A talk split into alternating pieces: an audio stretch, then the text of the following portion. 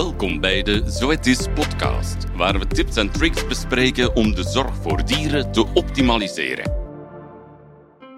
Welkom op de Zoetis videocast voor paarden. Ik ben Sofie de Keersmaker en ik heb hier vandaag uh, opnieuw twee gasten in mijn studio. Thomas Scheurden en Marco de Bruin. Thomas is dierenarts, maar is ook een uh, Europees specialist in parasitologie en werkt bij Zoetis als senior director van onze research and development afdeling. En Marco werkt als dierenarts bij paardenkliniek Wolvega en is bovendien ook een Europees specialist in inwendige ziekten bij het paard. De bedoeling van vandaag is om een beetje dieper in te gaan over het ontwormen van paarden. En ja, een onderwerp waar we heel veel over uh, horen en lezen. En de bedoeling van vandaag is of toch om een beetje antwoorden te kunnen geven op de meest gestelde vragen. We hebben het vandaag weer over uh, ontwormen en wormcontrole bij paarden. Het is zeker een, uh, een, toenemende problematiek en we horen ook meer en meer over resistentie. Thomas, Marco, kunnen jullie daar iets meer over vertellen? Ja, ik zou misschien zeggen eerder wormcontrole en ontwormen dan omgekeerd. Uh, omdat, omdat dat belangrijker en belangrijker wordt van je ontworming in te passen in een globaal plan van uh, wormcontrole. En daar zijn zoveel factoren waar dat we zeker op kunnen ingaan die daarin meespelen, onder andere weidemanagement, uh, onder andere uh, ja, uh, controle van uw ei-uitscheiding en dat allemaal ter preventie van eventueel opkomen van, van, van resistentie. Hè. Nu, uh, resistentie aan bloedwormen uh, en resistentie, dat is een ander verhaal dan bijvoorbeeld parascaris of spoelwormen en resistentie. dus we kunnen straks zeker eens over spoelwormen en jonge paarden praten bij, bij denk ik de volwassen paarden en, en, en of de populatie die gevoelig is aan bloedwormen. Um, daar moeten we zeer waakzaam blijven, zodat dat resistentie geen probleem wordt in de toekomst. Uh, er zijn gelukkig op dit ogenblik nog, nog geen um, grote problemen met resistentie bij, bij, bij bloedwormen. Uh, maar dat, ja, daar moeten we allemaal samen aan werken om dat, om dat zo te houden. Ik weet niet, Marco, of dat jij daar nog uh, iets aan wil toevoegen.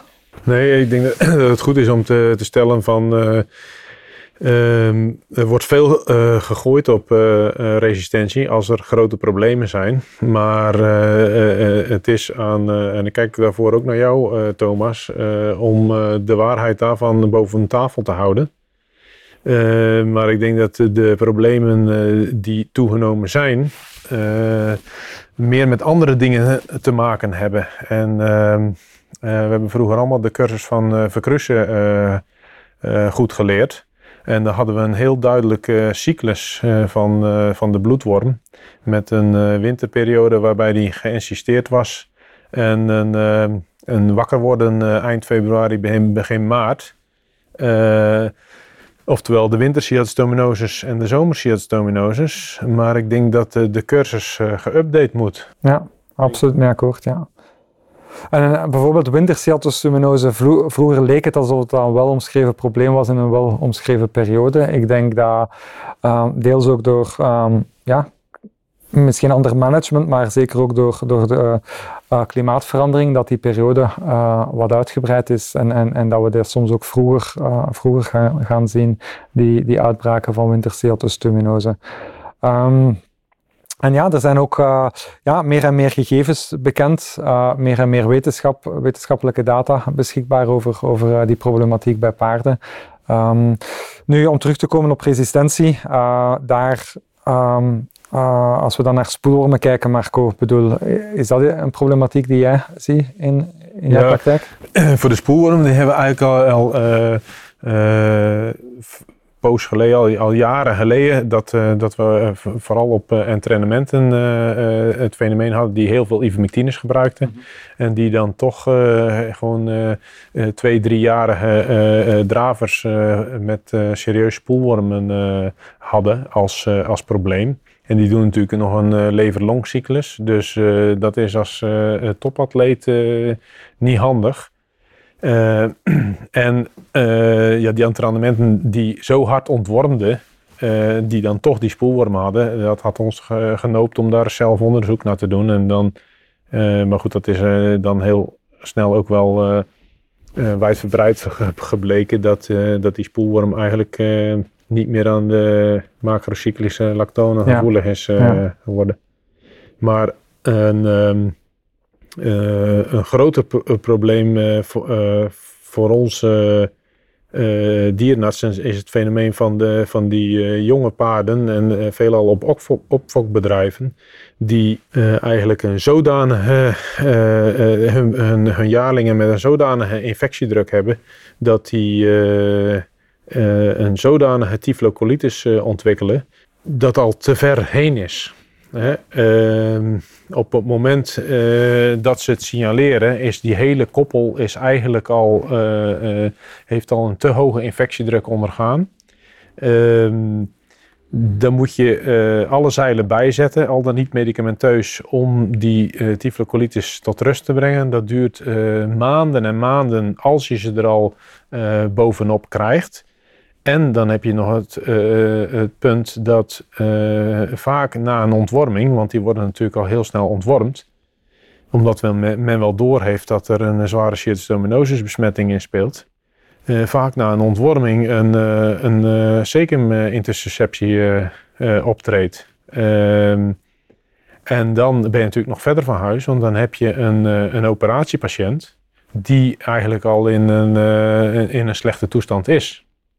En om die dan en chirurgisch te repareren en ook nog eens uh, naderhand uh, internistisch uh, aan zijn chronische darmontsteking, dat, dat heeft het afgelopen half jaar heel veel problemen opgeleverd. En het is ook een beetje per jaar verschillend, want drie jaar geleden hadden we ook zo'n zo'n een najaar en winter met heel veel jaarlingen met een uh, te grote uh, cytostominosis uh, infestatie.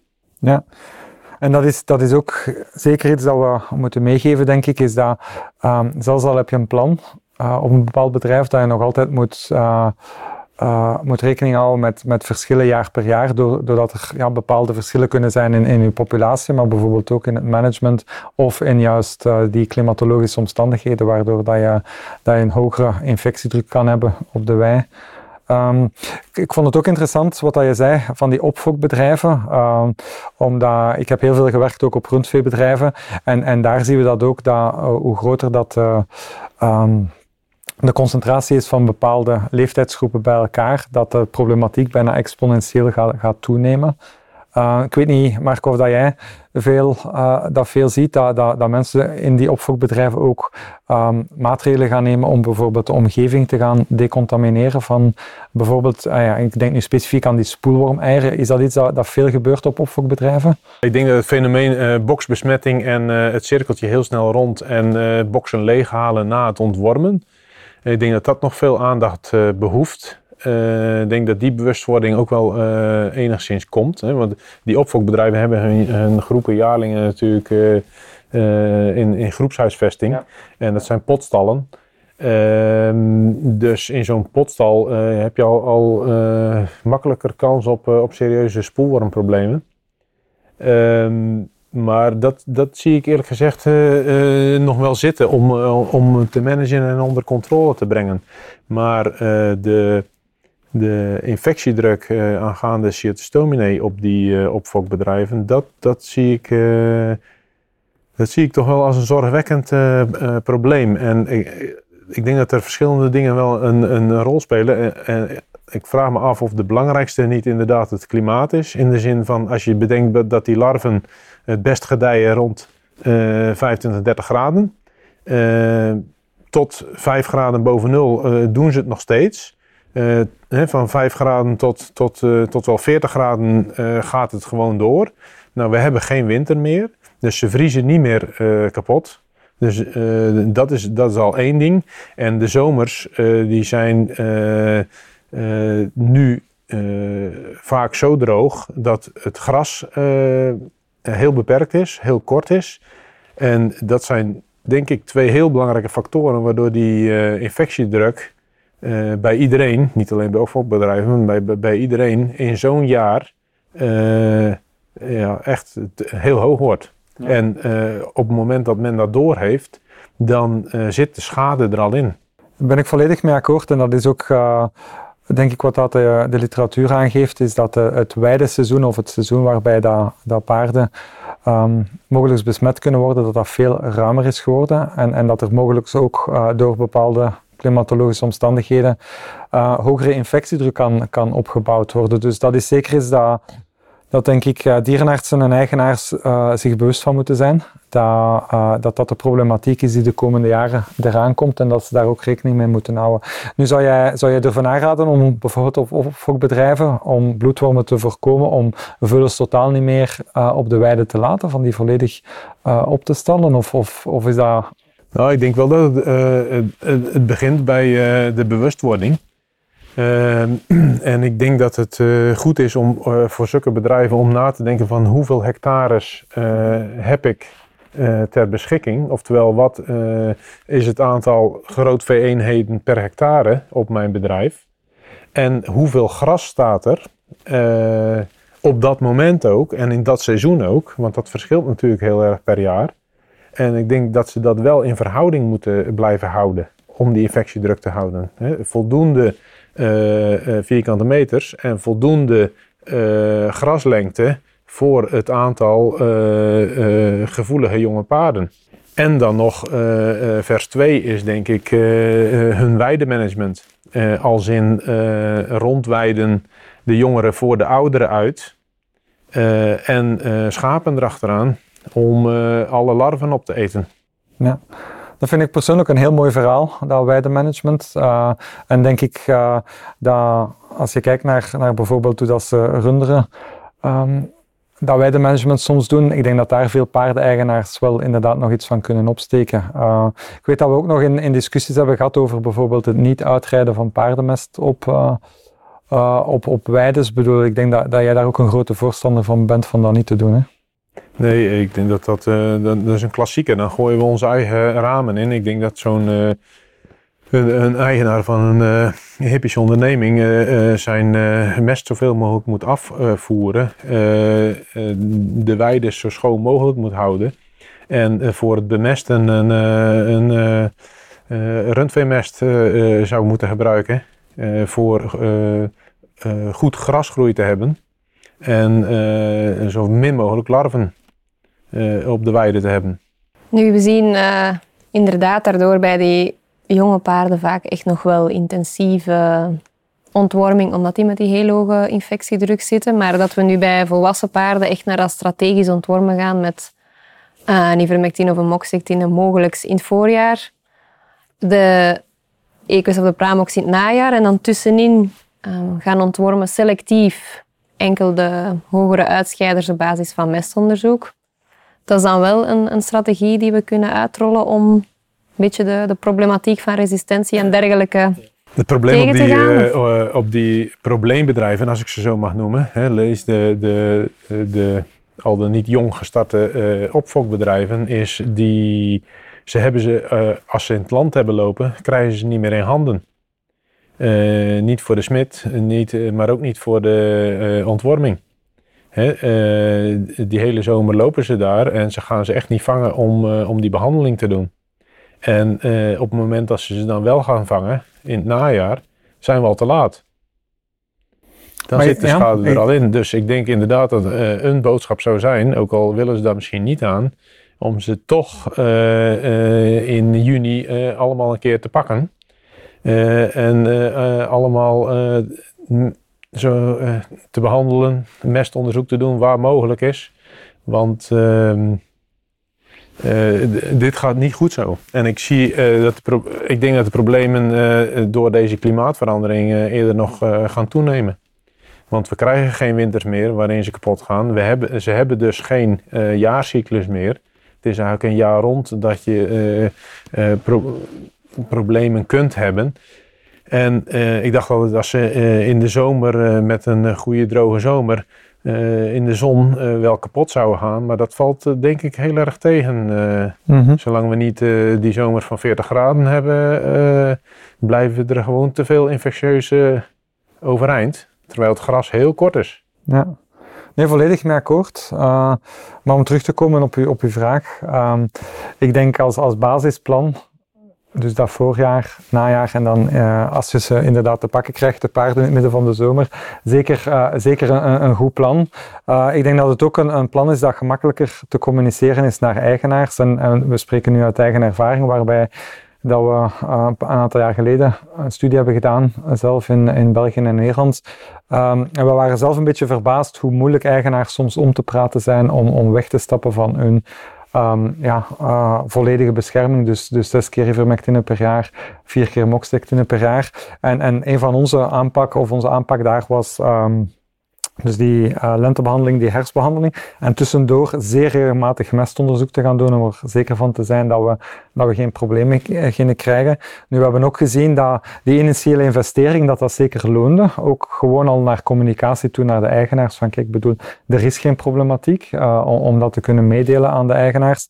En, en die initiële investering, misschien het eerste en tweede jaar, uiteindelijk creëer dan ook vertrouwen naar de eigenaars toe van kijk, het is echt niet nodig. En als we bijvoorbeeld dan, wat daar ook in de SCAP guidelines staat, in, in juli uh, mestonderzoek gaan doen en niet meer zeer frequent, maar bijvoorbeeld specifiek in juli, dan is dat wel genoeg als je de eigenaars daarvan kunt overtuigen om dat te doen. Dus ik denk als standaard waar je naartoe moet werken, is dat, is dat zeker een goed plan. Uh, natuurlijk met de nodige flexibiliteit dat uh, indien nodig dat het aangepast moet worden.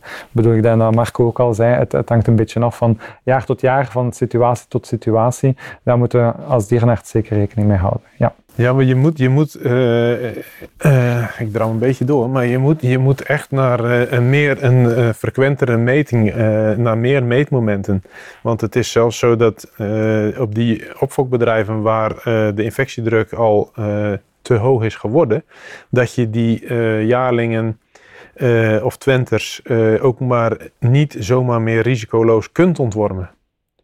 Want de, het doodgaan van de geïnsisteerde, of uh, van de deels geïnsisteerde, als die met zoveel zijn, geeft na de ontworming zoveel problemen dat je uh, van de uh, wal in de sloot geraakt. dus in zo'n zo'n paard is eigenlijk al een patiënt geworden die je niet meer risicoloos kunt ontwormen. Ehm, dus dan moet je dan anders over gaan nadenken van uh, hoe schat ik de ernst van de infectiedruk in, in dit paard? Uh, kan ik hem ontwormen? Moet ik eerst ontstekingsremmers geven of zelfs uh, eerst cortico's geven voor de ontworming uit?